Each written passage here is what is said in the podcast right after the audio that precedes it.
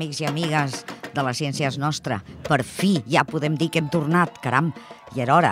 Bé, doncs avui tenim un programa superatapeït. Parlarem sobretot del cervell, de la ment, de com aprèn, de problemes que pot tenir, de tractaments que podem trobar. Comencem per això parlant amb els premis dels Premis Nobel que s'han concedit fa pocs dies. Uh, bé, el primer premi que tenim aquí per parlar és el de Medicina, eh, que s'ha concedit pel descobriment del virus de l'hepatitis C. Eh, quina importància té això? Doncs mireu, que l'hepatitis C pot ser mortal. I a més, és una malaltia que afecta moltíssima gent en tot el món. Eh, llavors, eh, com s'ho han fet aquesta gent? Doncs eh, l'hepatitis aquesta C es transmet a partir, a partir de la sang. I es va descobrir que un cop eliminades eh, altres tipus d'hepatitis, encara hi havia casos eh, que eren a causa de transfusions. Llavors es van posar a investigar a veure què més hi podia haver, van trobar que era també un virus i al final el van poder caracteritzar, aïllar, tot això. I, eh, per tant, han pogut eh, fer tractaments. Primer, he fet eh, test a la sang que s'ha de, de transfondre per garantir que no n'hi hagi de sang contaminada i després fer tractaments per tractar aquesta malaltia. Per tant, és una cosa molt important. Passem al Premi de Química. El de Química s'ha concedit pel desenvolupament d'un mètode per a l'edició genètica. És un tema que ara està super de moda, tot això d'agafar els gens de l'ADN, i fer-hi coses, no? Eh, Canviar-los, afegir, treure'n per superar malalties, per millorar eh, productes d'agricultura... bueno, eh, és infinita la quantitat de coses que es poden fer. Eh, això mm, ho va començar a estudiar un valencià que es diu Francis Mojica i va arribar a trobar unes particularitats que tenien unes bactèries concretes. Eh, però no va passar més enllà.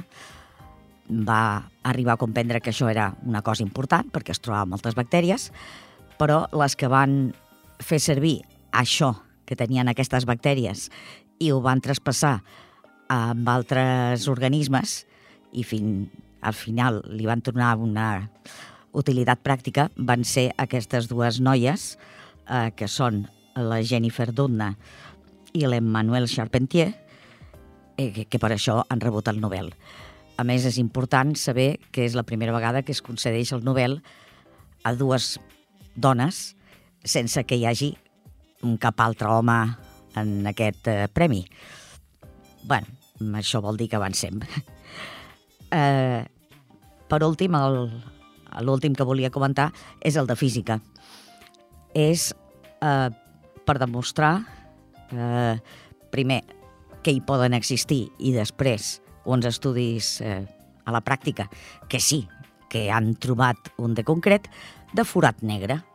Això també n'hem sentit a parlar moltíssim i ara ens en parlarà un físic que en sap moltíssim, que es diu Xavier Portell. Escoltem-lo. Bona tarda, Xavi. M'agradaria que et presentessis tu mateix, eh, perquè potser ho faràs més bé que jo. No, jo sóc Xavier Portell, sóc doctor en física per la Universitat Autònoma de Barcelona. He estat treballant a, a Chicago amb un accelerador de partícules que hi havia una mica predecessor de, de, del CERN. Allà vaig fer el meu postdoctorat. A Alemanya vaig estar treballant pel, pel CERN i després vaig anar directament al CERN, o sigui que vaig estar visquent a, a Suïssa treballant amb l'accelerador de partícules buscant les partícules que es diuen supersimètriques. I ara fa set anys que estic uh, fent de professor a una escola, que és l'aula Escola Europea a Barcelona. Doncs déu nhi escolta, això del CERN un altre dia ens ho has d'explicar perquè queda pendent. Eh? Ara, eh, si et sembla, bueno, en primer lloc, moltíssimes gràcies per aquesta estona que ens dediques i, si et sembla, eh, voldria que ens comentessis el Premi Nobel de Física d'aquest any, que és els descobridors eh, dels forats negres. Però vaja, sí. tampoc no tinc molta més idea perquè no és el meu camp. Tu, que ets especialista. Jo no sóc un especialista en forats negres, però sí que, el, que evidentment, el tema és un tema molt, molt important. I, de fet, eh, jo crec que és un, és un Premi Nobel molt, molt ben donat perquè els forats negres és una cosa que, que sempre, des de petits, a tots ens ha cridat l'atenció i, de fet, els que ens dediquem a la física moltes vegades és degut a, a la presència d'aquests objectes que no sabíem ni si realment existien, no? I aquí està la importància. El Premi Nobel l'han donat a un teòric, a Penrose, que va anar una mica més enllà d'Einstein. Einstein va morir pensant que els forats negres realment era un artilogi matemàtic i que, que no, no, no, no serien realitat, i ell va, Penrose va continuar les matemàtiques i va anar buscant la manera fins que va trobar una solució que podia donar lloc a un forat negre que fos real. Sí, sí. I, I aquesta seria la segona part, que és de, del Premi Nobel, que és bonic per això, perquè es dona a la part teòrica, però també a la part experimental. I no només a un experiment, sinó a dos, cosa que també és molt important en la ciència, perquè sempre hi ha d'haver dos punts de vista que confirmin un a l'altre, no? que van ser pioners en buscar un forat negre al centre de la nostra galàxia i en vam trobar un eh, després de molts, molts problemes tècnics perquè no, no és fàcil. Eh, Parla'ns una mica de l'Andrea Goetz i de l'altre company. Uh, Reinhard Genzel. Sí, no, ells uh, són els, uh, els caps. Aquí el tema del Premi Nobel sempre és aquí dones el Premi Nobel. En aquest cas ells són els caps, els que van, els que van dirigir un, un, un equip, van millorar els telescopis per tal de poder visualitzar la zona del centre de la galàxia. Aquesta zona és molt complicada perquè hi ha un núvol de, de pols interestel·lar que el eh, que fa és absorbir la, la llum que ens arriba d'allà. Clar, un forat negre no el podem veure perquè és negre, però sí que podem veure les estrelles que estan orbitant al seu voltant, d'acord? Llavors, les estrelles que estan orbitant molt a prop del forat negre són les que podem veure i la llum d'allà és la que ens queda privada degut a aquest núvol que hi ha de pols interestel·lar. Es diu que surten un, una partícula de llum, un fotó, de cada bilions de fotons que, que hi poden haver. Clar, llavors és captar aquesta llum en un lloc eh, tan problemàtic com el centre de la galàxia era molt, era, de fet, mm, els primers intents o les primeres propostes van ser descartades perquè van dir que això seria impossible. Va ser gràcies a la tenacitat d'aquestes persones que van aconseguir anar millorant i anar implementant millores en el telescopi que van poder visualitzar aquesta, aquesta zona. Finalment es va poder localitzar aquestes estrelles que estan orbitant al voltant del forat negre i que tenen unes característiques que demostren doncs, que hi ha existència d'un forat negre al centre de la galàxia, que té una massa de 4 milions de vegades la massa del Sol. He llegit per algun lloc que això amb llum normal no es pot fer, que eren telescopis d'infraroig, oi? Clar, aquí és això que deia, no? que si surt un, un fotó a cada milió, doncs serà molt complicat que realment puguem aquesta llum en un lloc on hi ha altres estrelles brillant. Pensem que la llum aquesta recorre 25.000 anys llum, d'acord? Llavors, la llum que estan veient va sortir fa 25.000 anys. Per tant, mirar això amb llum visible és molt complicat. A part d'això, a més a més, també tenim problemes a la Terra, doncs, que hi ha franges de radiació electromagnètica que no podem veure. Aleshores, la pols interestel·lar que ens bloqueja aquesta part invisible no ens bloqueja tant la part de l'infraroig. I a més a més, a la nostra atmosfera hi ha un, un forat dins de l'espectre electromagnètic, dins de les diferents freqüències de llum que ens arriba a, les estrelles, que ens arriben totes les freqüències possibles, doncs l'atmosfera n'absorbeix una part. Però hi ha un forat de, de freqüències que no s'absorbeixen. Per tant, en aquest forat podem nosaltres mirar la llum que ens ve de fora i, en aquest cas, mirar la llum que venia déu nhi Vaja, és impressionant com podem arribar a saber coses de, diguem, d'objectes que tenim tan absolutament lluny i a més que són negres, o sigui que és, sembla un miracle, no? I és... Sí, és un, tot, un, tot un repte tècnic i segur que els que van estar treballant s'ho van passar molt bé buscant la, la manera d'intentar superar tots els obstacles que anaven sorgint i anys i paciència i tenacitat i continuar insistint fins que, fins que ho trobes, de nhi Escolta, doncs, moltíssimes gràcies per aquesta explicació i quedes apuntadíssim per una altra vegada que ens expliquis això del CERN, perquè això també crec que és un tema que, vaja, que almenys pels profans que no ho coneixem, doncs també és molt, molt interessant. No? Algú que, que ho ha viscut des de dintre, que ens ho pugui explicar. Moltíssimes gràcies, Xavi, i a reveure. Moltes gràcies a vosaltres. ciència als laboratoris, ciència també a l'aire lliure. Vam assistir al primer dia de la jugateca, que s'està fent tots aquests eh, caps de setmana de tardor, i vam parlar amb la monitora que es diu Marian Vico. Escoltem-la. Estem al Parc de Pinetons amb la Marian Vico, Sí. que és la monitora de la jugateca ambiental que es fa avui, diumenge, i que s'anirà fent a partir d'ara ja del nou curs durant uns quants dies. Bon dia, Marian. Bon dia, encantada de fer la- l'entrevista. Doncs ens expliques una miqueta en què consisteix això de la jugateca, què preteneu? Doncs cada diumenge nosaltres realitzem diverses activitats amb els infants per potenciar la natura, eh, per com tractar el medi ambient, no? com cuidar-ho, i sobretot per potenciar una mica també el parc de, dels Pinetons de Ripollet. Eh, realitzem moltes activitats eh, relacionades amb això, no? amb la natura, doncs, amb pintura o eh, relacionada amb els insectes, i totes tenen a veure això i es fan en el parc dels Pinetons. Ahà. O sigui que estem parlant de medi ambient, Sí. biologia, Mhm. uh, insectes, arbres, plantes... Sí, sí, sí, tot això. En definitiva, estem parlant de ciències. Sí, exacte, perquè moltes de les activitats totes les realitzem amb elements naturals, amb les coses que trobem al parc i sobre cuidant aquest aspecte, no? el, el utilitzar més els, tots aquests elements en comptes de plàstic, de llaunes i coses així. I els nanos com responen? Els agrada? Venen molta gent? Sí, aquí, ja clar, ara degut a la situació, doncs és, eh, no sabem com arribarà, eh, perquè normalment, però normalment venen més de 50 famílies aquí al Parc dels Pinetons, sobretot. A part de Massot venen al millor menys, però aquí sí. El problema és que eh, aquest any la zona de lloc lliure ja s'ha eliminat i només es realitzaran les activitats dirigides i no sabem si per això vindran menys famílies a fer les activitats, però esperem que sí, que tinguin moltes ganes i que nosaltres ho tenim de continuar fent activitats. I sí, els infants sempre tenen moltes ganes, perquè als infants els hi encanta aprendre, els tenen molta curiositat per tot el que fem, ens pregunten moltes coses, quan fem activitats com l'activitat de la micronatura, sempre ens estan preguntant, veuen els insectes amb els, amb els microscopis, amb les lupes, i es queden allà mirant les antenes de les, de les formigues o el seu abdomen, i ens pregunten, què és això? Què és tal? O amb les flors, les roques... O sigui, sí, tenen moltes ganes, venen amb molta energia i s'ho passen bomba quan vinen aquí.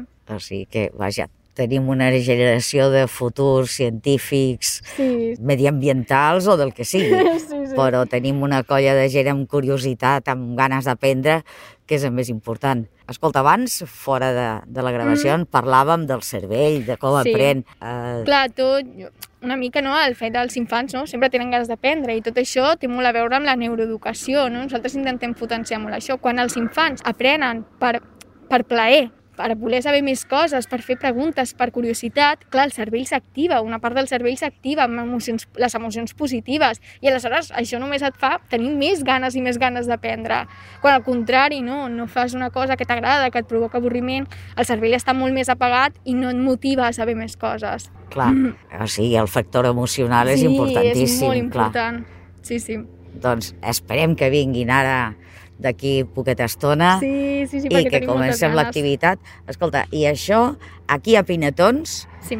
eh, es fa avui i quins dies més? Es fa tots els diumenges fins al novembre, de 11 i mitja a 1 i mitja. I al Parc del Massot es realitzen 5 activitats eh, distribuïdes durant uns quants caps de setmana. Ho podeu trobar a Twitter, cada cop s'avisaran, i a la revista de Ripollet. Molt bé. Doncs moltíssimes gràcies.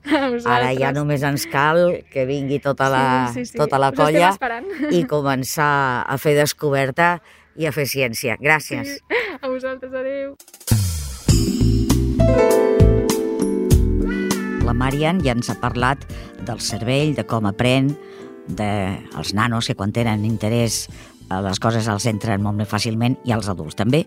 Seguim parlant de la ment i ara parlem de problemes psicològics amb l'Alberto Royo, que és psicòleg. Avui parlem de psicologia. Bon dia a tothom, el meu nom és Alberto Royo, sóc psicòleg especialista en psicologia clínica i bueno, intentaré respondre algunes preguntes avui des de la meva experiència en aquest àmbit. Doncs molt bé, moltes gràcies, Alberto. A veure, la primera pregunta és obligada. La psicologia és una ciència? És fiable? Bé, jo crec que la psicologia, evidentment, té una part científica que està molt avalada per diversos estudis d'eficàcia de, des de fa molts, molts anys. És cert que hi ha diverses escoles de psicoteràpia, però sí que és cert que hi ha una fiabilitat i una validesa que han estat molt, molt replicats, no?, molts d'aquests estudis, però és cert que la psicologia és molt àmplia i podem dividir-ho molt entre com comprenem un cas i com apliquem aquesta ciència i dependrà molt del, del model de cadascú i, i com intervingui en un cas en particular. A veure, plantegem-ho d'una altra manera. És avaluable? Eh, tu dius que sí, que, que està avalada. Eh, hi ha alguna mena de, d'estudis sobre l'eficàcia que pot tenir o hi ha teràpies més eficaces que unes altres o depèn del terapeuta? Bé, jo crec que tenim múltiples variables. S'han organitzat habitualment en que cada escola doncs, ha dividit entre trastorns mentals i potser tenim que per cada trastorn mental hi ha una teràpia que és més eficaç que l'altra. Un, una altra cosa és qui l'aplica i com l'aplica i si decideix aplicar aquest mètode que és el més fiable o, o no, i si en sap o decideix aplicar el seu punt de vista encara que no hagi sigut replicable i per tant no sabem si a nivell científic seria vàlid però amb la seva experiència creu que sí que pot funcionar el mètode que està utilitzant aquest terapeuta. Uh, psicoanàlisi, teràpies gestalt, teràpia cognitivo-conductual, constel·lacions familiars, en mindfulness, el pensament positiu, tot això ens pots fer una mica de, de comentari. O... Està clar que te'n deixes un munt. De fet, crec que cada, cada mes o cada setmana surt una nova teràpia que sembla que sigui la panacea i hagi d'arreglar tots els problemes del món. En realitat, no és més que una variant de les diverses escoles de psicoteràpia que han existit des de fa molts anys. Cadascuna d'aquestes teràpies que va sorgint, que semblen noves, no podríem col·locar dintre d'aquestes escoles més àmplies. El que fan, habitualment, és agafar un element clau o un, un factor més específic que treballa cadascuna d'aquestes escoles i centrar-se en aquest i posar-li un nom nou. Però realment, com a comprensió, no aporta gaire més. Sí que és cert que és això, com cada escola és molt àmplia, si tu creus que hi ha un factor que és la clau, doncs pots escollir aquest factor i centrar-te en aquests. Hi haurà uns que seran molt més científics que altres, evidentment. Per exemple? D'eficaços? De científics. Jo crec que entre aquestes la més popular potser és la teràpia cognitiu-conductual, que és la més científica perquè és la que més estudis ha fet. És una teràpia que es basa en el símptoma. La persona ve amb, amb una demanda i es treballa aquesta demanda en particular. No es fa un, un anàlisi global de, de quina manera la persona ha arribat a funcionar d'aquesta manera i es treballa particularment amb això i, i només amb això fins que es soluciona. Posa'ns un exemple. Jo què sé, a veure, el típic estudiant que diu, ostres, tu, és que quan arribo a l'examen em quedo en blanc. Sí, seria un molt bon exemple. El símptoma seria que, que, que es bloqueja, no? que es paralitza sí. i que no pot funcionar en aquella situació en particular. Sí. Llavors, podríem veure eh, des de quan li passa, en quines situacions, si és només amb aquell examen, depèn de lo preparat que vagi, si depèn d'aquell dia estigui més ansiós o quines altres coses han passat, si té algun tipus de, de malaltia, totes les, tots els factors que poden intervenir en aquell moment. Llavors, a partir d'aquí, començar a aplicar alguna estratègia que li funcioni en aquella situació ah, d'examen o, o prèviament.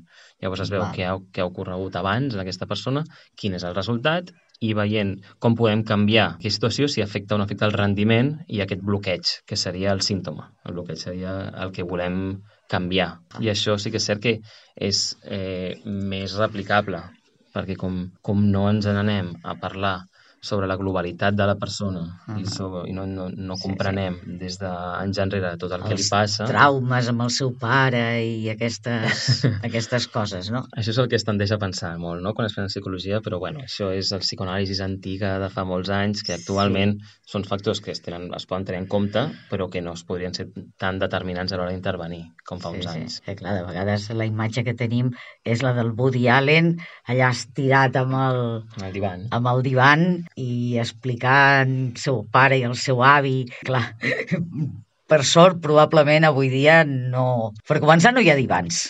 Sí, hi ha divans, no et pensis, eh? Sí? Hi ha més divans dels que ens pensem, sí. Una altra cosa és que, és que hagin disminuït en relació a... Clar, pensa que això comença fa més de 100 anys. Llavors, en aquell moment sí que era l'auge de tot això, i ara no. Però sí que continuen havent molts terapeutes que funcionen amb, amb divan. No té per què ser negatiu. Eh, jo no funciono amb divan, evidentment, però bueno, crec que tot és respectable. Sobretot és com tu apliques el teu coneixement, sigui en un divan sí, sí. o sigui en sí, una sí. taula de permig o sense taula de permig. Parlem del pensament positiu. Realment és positiu el pensament positiu o pot ser contraproduent? Bé, realment el meu dubte és si el pensament positiu és psicologia. Jo crec que no. Que és, és una cosa a part. Crec que el pensament positiu és, és un concepte que sorgeix d'una societat que no permet eh, estar trist, que no permet passar-ho malament i només hm. pots mostrar-te en, en públic quan tens un bon moment i si no sí. et sents aïllat i et sents diferent a la resta. I en definitiva t'estan dient que si no estàs bé, la culpa és teva, perquè sí. si volguessis podries. Mm. I clar, eh, això mm, pot ser un cercle viciós, no? Si un es troba malament i a sobre es culpabilitza perquè es troba malament, es trobarà pitjor, potser. Probablement. Bàsicament, el pensament positiu, jo crec que si fas només pensament positiu, és tapar el que t'està passant. És Aha. fer com si no estigués passant, com el meu entorn no em permet mostrar el meu malestar, doncs faig mm. com si no passés res, però això no l'elimina, evidentment. No. Per tant, el pensament positiu és algo que pot ser útil en un determinat moment, però sempre que s'acompanyi d'altres coses. Per exemple, d'una bona dosi de realisme, per, per no fer la tàctica de l'estrus. Mm. Jo recordo una persona que em deia, fes com si. Fes com si pot funcionar a curt plaç, però a llarg plaç mai et funcionarà. No? Jo, jo crec que la, la base, si vols fer pensament positiu, el primer que has de fer és patir i passar-ho malament no? i gestionar la situació realment. Després pots aplicar-li el pensament positiu, si vols, uh mhm. -huh. però tu no pots superar una situació només amb pensament positiu. Parlem de les constel·lacions familiars. A veure, pel que jo tinc entès, és com una espècie de, de psicodrama i se suposa que allò és terapèutic. Sí que és cert que jo aquí sí que, que crec que la persona que és el constel·lador familiar, que seria el terapeuta, sí que és una persona amb formació. En aquest cas, amb, amb teràpia familiar sistèmica, que diríem, és a dir, comprendre la persona la seva globalitat en, en funció del, de l'ambient familiar i ambient personal que ha viscut. Una altra cosa és com apliques aquest coneixement. El coneixement que està aplicant aquesta persona en concret en les constatacions familiars no és científic i és un mètode que és molt interpretatiu, absolutament. Hi ha una persona que és el protagonista de l'escena, que és una, una escena traumàtica o estressant de la seva vida, probablement, i tots aquests auxiliars el que fan és representar un paper d'algun dels membres de la seva família o alguna figura rellevant al llarg de la seva història. Llavors, eh, aquí el que funciona és que la, el constel·lador el que fa és fer una interpretació de per què ha passat alguna cosa a partir dels seus coneixements. Llavors, això és fiable? Potser sí, potser no. És probable que no, però a la persona li serveix? Potser sí.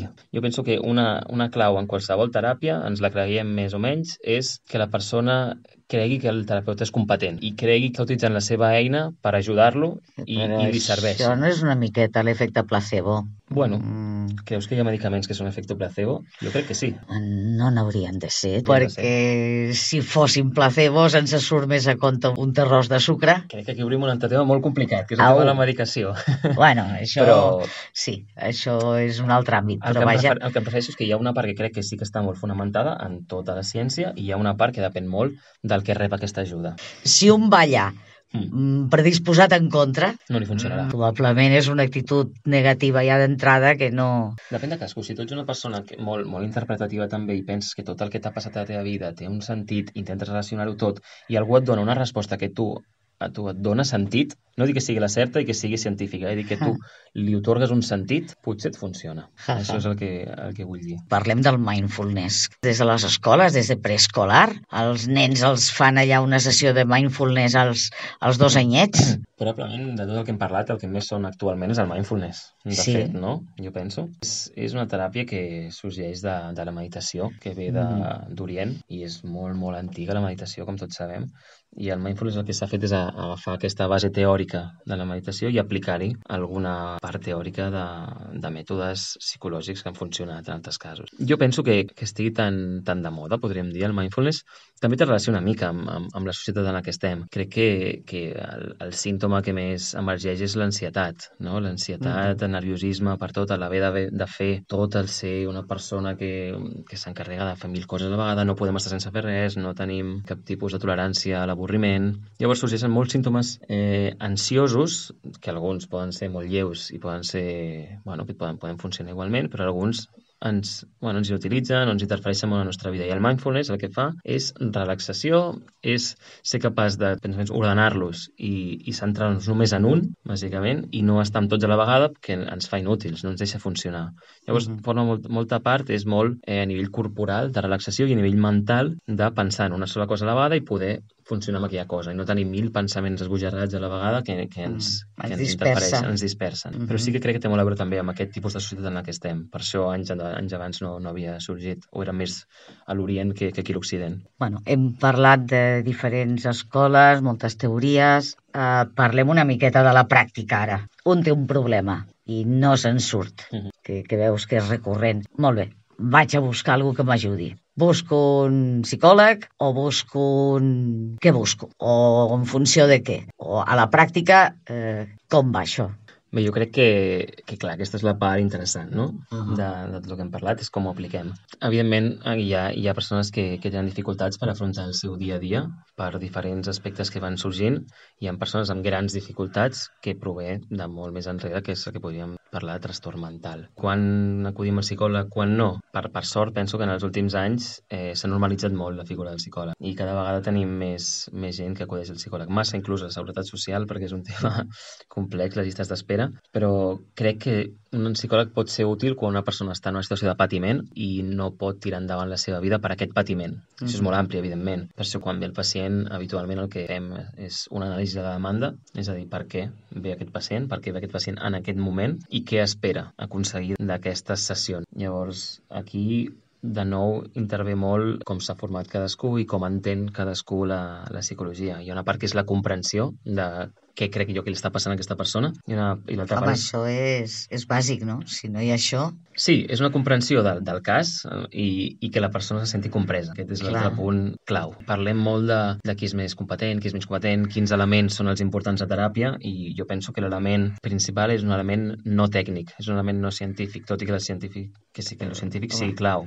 Crec que la, la clau és el vincle, és la relació terapèutica que estableixes amb, és una relació entre dues persones. Exacte. Si no ho faríem amb un ordinador. Tindries un qüestionari, l'ompliries i automàticament et sortiria ja mm. el diagnòstic, pa, pa, pam. Mm. Sí, el que em refereixo és que penso que és diferent a una relació amb un metge, perquè el metge mm. tu li explica el seu problema i ell et dona la seva solució, habitualment bueno, un també. fàrmac, no? perquè estem això en una societat també. molt medicada. Però a un terapeuta, a un psicòleg, quan has d'explicar tota la teva vida, si no el sents una persona competent, si no tens un vincle amb ell, si no et sents còmode, si no sents que et comprèn i que et pot ajudar, no pot funcionar. Ja pots aplicar la millor tècnica, la que té més eficàcia, no, que mai clar. funcionarà. D'entrada, probablement et quedaran moltes coses al pap que no li explicaràs. Exacte. Si això... no et sents còmode. Clar. I si no li expliques tot, no l'altre tampoc no et podrà ajudar. Clar, per això, per això que a vegades ens fixem molt clar. en què és el que s'ha d'aplicar, quina és la tècnica per, segons el que la persona eh, et mostri, però en realitat sense la base, sense tot això que s'ha estat parlant,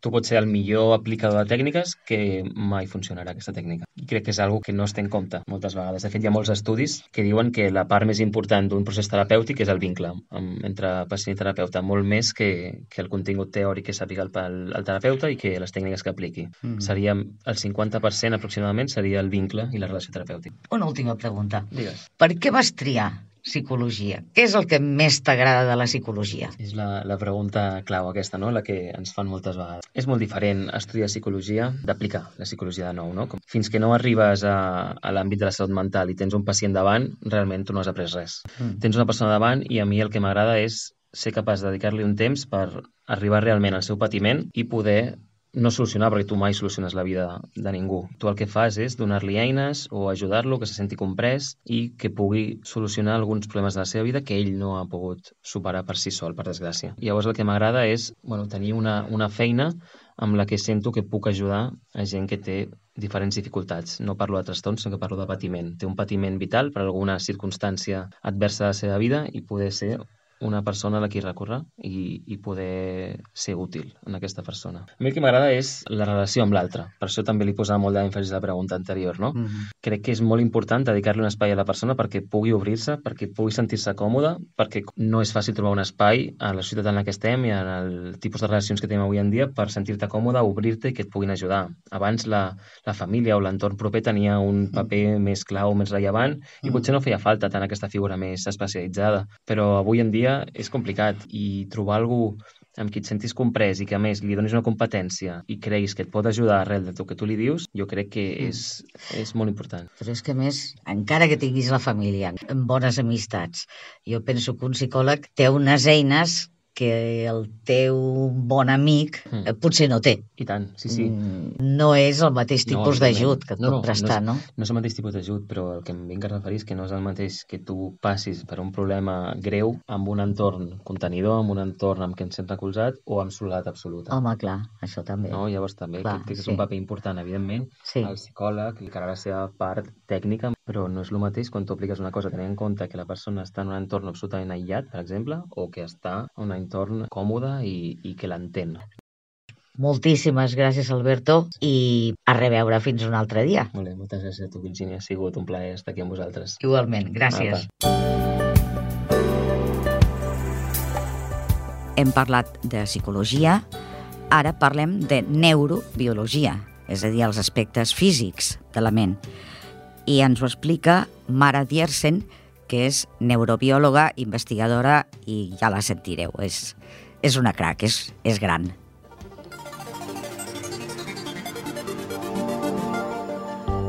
Pues estamos aquí hablando por teléfono con Mara Diersen. Le vamos a pedir que se presente ella misma, pero vamos, es una crack. Pues nada, estoy eh, de verdad encantadísima de estar hoy con vosotros. Muchísimas gracias por, por invitarme. Y yo soy Mara Diersen, soy neurobióloga y dirijo un grupo de investigación en el Centro de Regulación Genómica de Barcelona. Y te quedas cortita, ¿eh? pero bueno, irán saliendo cosas. Oye, háblanos del Centro de Regulación Genómica, ¿qué es lo que hacéis?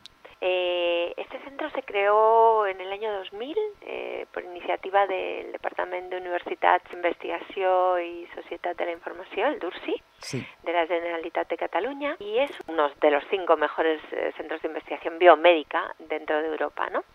Podríamos decir, ¿no? Que es un poco el buque insignia de, de la ciencia básica. Lo particular que tiene el centro es que mm, tiene líneas de investigación en diferentes ámbitos, todas dirigidas a comprender mejor cómo el genoma es decir, cómo nuestra dotación genética y su regulación influyen para que nosotros podamos funcionar de forma normal y también cómo se alteran cuando tenemos algún tipo de, enfermedad genética, ¿no? Eh, El Centro de Regulación Genómica tiene algunas cosas que a mí me parecen muy interesantes. Fue una visión de la época de Masculey. Él pensaba que para dinamizar la ciencia había que atraer talento, había que tener diferentes miradas a la ciencia. Y entonces el, el, sistema del CRG es muy diferente al de otros centros de investigación. Aquí no hay funcionarios, pero además tenemos pues un 56% de investigadores que vienen de otros países. Es decir, somos una comunidad muy internacional, aunque estamos eh, situados en, en Barcelona, ¿no? Y, otra cosa que es muy interesante es la libertad investigadora, es decir, todo el mundo eh, actualmente pues tiene posibilidad de escoger un poco el tema de investigación que le interese más, pero enmarcado pues dentro de un centro. Lo que tenemos son diferentes programas que son bastante diversos. Hay uno de biología celular, otro de biología de sistemas, otro más de genómica. Eso hace que haya una riqueza de ideas, lo que se llama fertilización cruzada, ¿no? Porque Sí, sí. muchas veces la visión de alguien que trabaja en algo diferente a ti es lo que te aporta más eh, en tu Ujú. propia investigación. Concretamente, eh, de todas estas líneas, háblanos de la tuya. Pues mira, nosotros trabajamos en, en comprender las bases neurobiológicas de la memoria y el aprendizaje. Intentamos entender cómo es posible que nuestro cerebro sea capaz de guardar toda esa información. Tú piensas simplemente en todos los recuerdos que tienes desde tu infancia. ¿no? Toda la información que has ido almacenando en tu cerebro y también en tu capacidad, que también es una función de la memoria, ¿no? De planificar el futuro, de tomar decisiones. ¿Cómo se produce todo eso a partir de un conjunto de células, que son las neuronas? Y eso acompañado de otras células que se llaman astrocitos, que también tienen un papel muy importante. Estamos intentando mm, descifrar esos códigos cerebrales que permiten almacenar la información, recuperarla. Y nos interesa mucho también entender por qué se alteran en, en patologías que en muchos casos son genéticas y que cursan con discapacidad intelectual. Por ejemplo, el síndrome de Down. Y además nosotros, bueno, nosotros estamos eh, trabajando mucho sobre las funciones cognitivas en las personas con síndrome de Down y de hecho lo que más nos gusta y yo creo que fue uno de los grandes hallazgos de nuestra investigación fue que nosotros conseguimos delimitar, mm, digamos, genes candidatos que eran muy importantes para producir la discapacidad eh, intelectual. A partir de ahí conseguimos también identificar una posible vía de tratamiento farmacológico que de hecho hemos llevado a ensayos clínicos y ha dado unos resultados pues bastante positivos y, y ahora estamos trabajando en cómo mejorar todavía más su eficacia, ¿no? Y bueno, además nuestro laboratorio no solamente hace investigación, sino que mira más allá de los tubos, ¿no? Yo soy fundadora y he sido presidenta de la Sociedad de Investigación para la Trisomía del Cromosoma 21 y estas investigaciones, ahora dices que ya están en fase clínica. ¿Esto eh, cuándo puede ser que esté ya disponible como tratamiento? De hecho, ya lo está. Desde que hicimos el ensayo clínico en fase 2, lo que hicimos fue buscar una manera de que el producto, que es un nutracéutico, es decir, no es un, es un fármaco clásico, sino que es un componente natural que está en el verde, que es una catequina, que se llama epigalocatequina 3-galato, y esta epigalocatequina, bueno, pues eh, en este momento está comercializada por ahora en forma de, una, de un batido, pero ahora también lo van a comercializar como un pequeño sobrecito que se puede tomar con las comidas y demás. Y ya la gente, hay muchas personas con síndrome de Down que ya lo están tomando. Y obviamente claro, los efectos ya te puedes imaginar que si es un cerebro adulto, digamos que son menos evidentes, pero ahora estamos haciendo un ensayo clínico pediátrico en niños con síndrome de Down que permitirá pues ver si también es eficaz a esas edades. Por ahí, por algún sitio decías que esto eh, se complementa eh, con todas unas técnicas de estimulación. Exacto, sí. Es, eh, o sea, lo, lo, que yo creo que es más bonito de esta sustancia es que mm, funciona ayudando a que las intervenciones que uno hace sean más eficaces. Es decir, per se tiene un cierto efecto, pero lo que más hace es potenciar todo aquello que genera plasticidad cerebral. La plasticidad cerebral es una propiedad del cerebro que permite modificar a pequeña escala su estructura y su función para permitir el aprendizaje y la memoria. O sea, para que tú aprendas algo, tu cerebro tiene que cambiar un poquito sus conexiones en el cerebro es, pues, yo siempre digo que es como en la vida. Lo más importante entre las neuronas son las conexiones.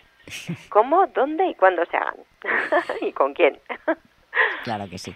Oye, ¿por qué el síndrome de Down, que es eh, algo genético, tiene un origen genético.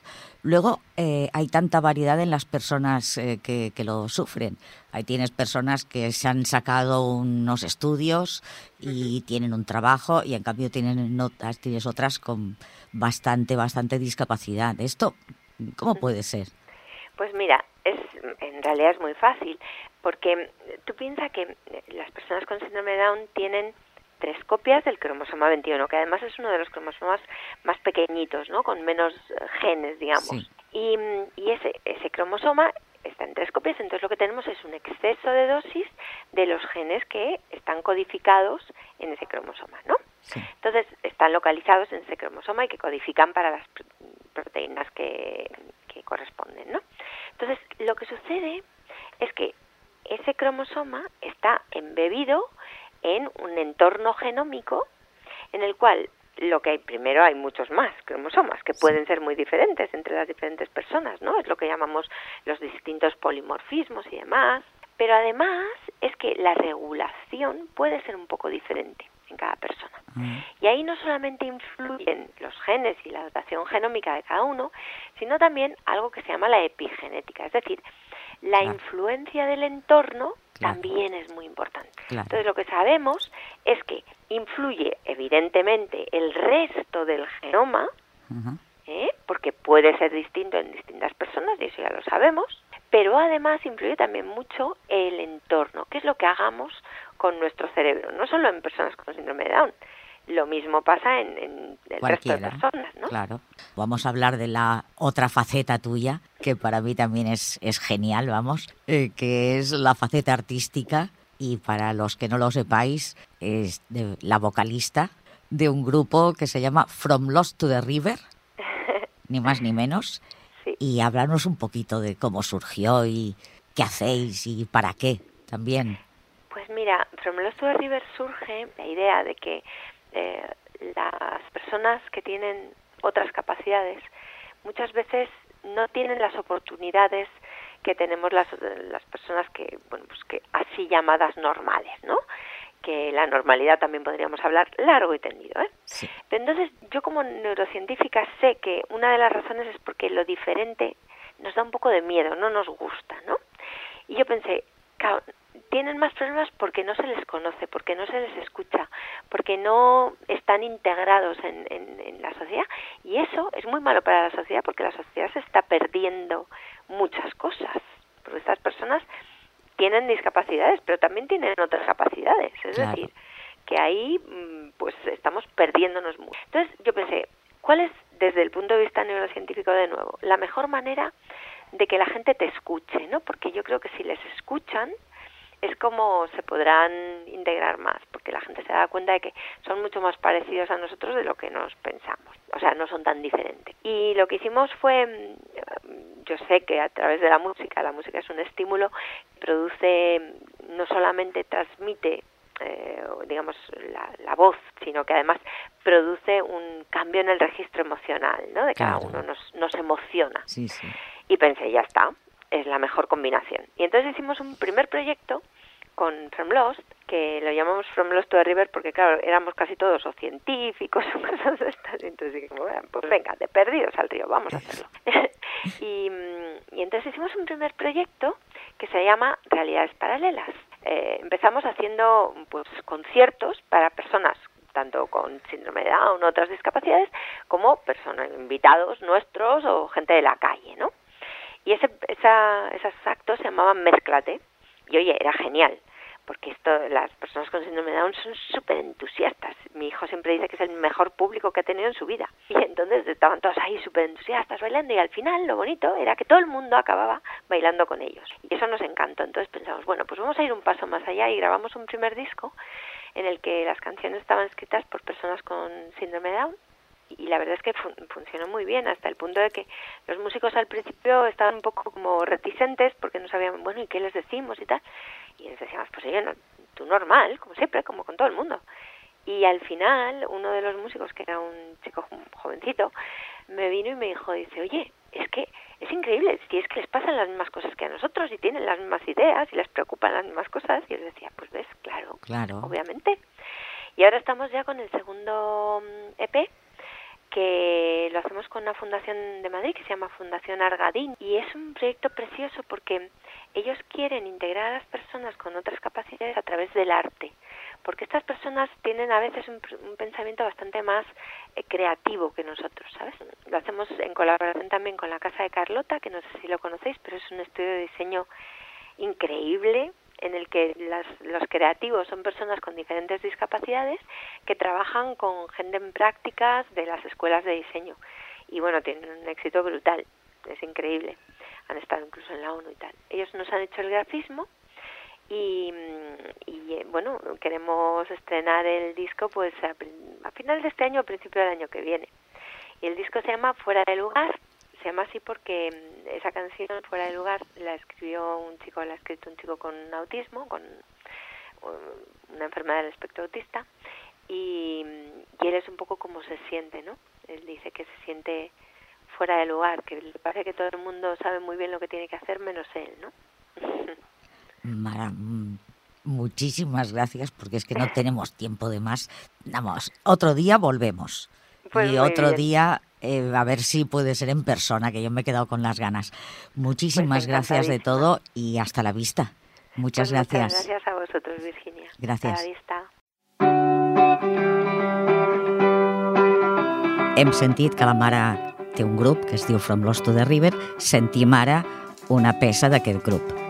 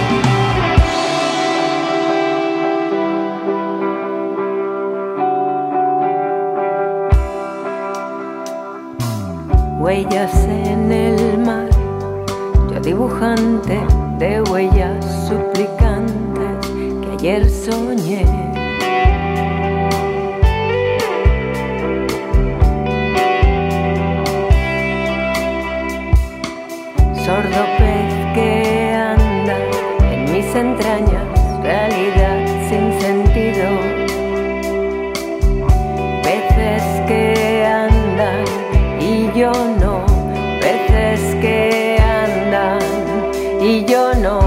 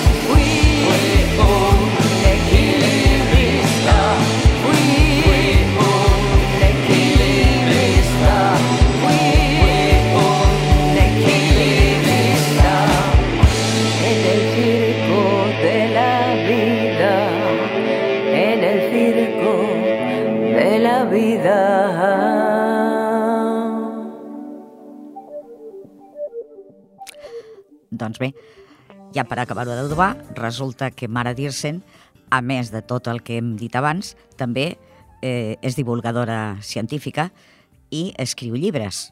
Llavors, avui us recomano uns que podeu trobar a la Casa del Libro, que són, per qui li interessi molt el tema de la síndrome de Down, doncs hi ha un llibre col·lectiu que es diu Síndrome de Down, Biología, Desarrollo y Educación, Nuevas Perspectives. És de Mara Diersen i altres autors.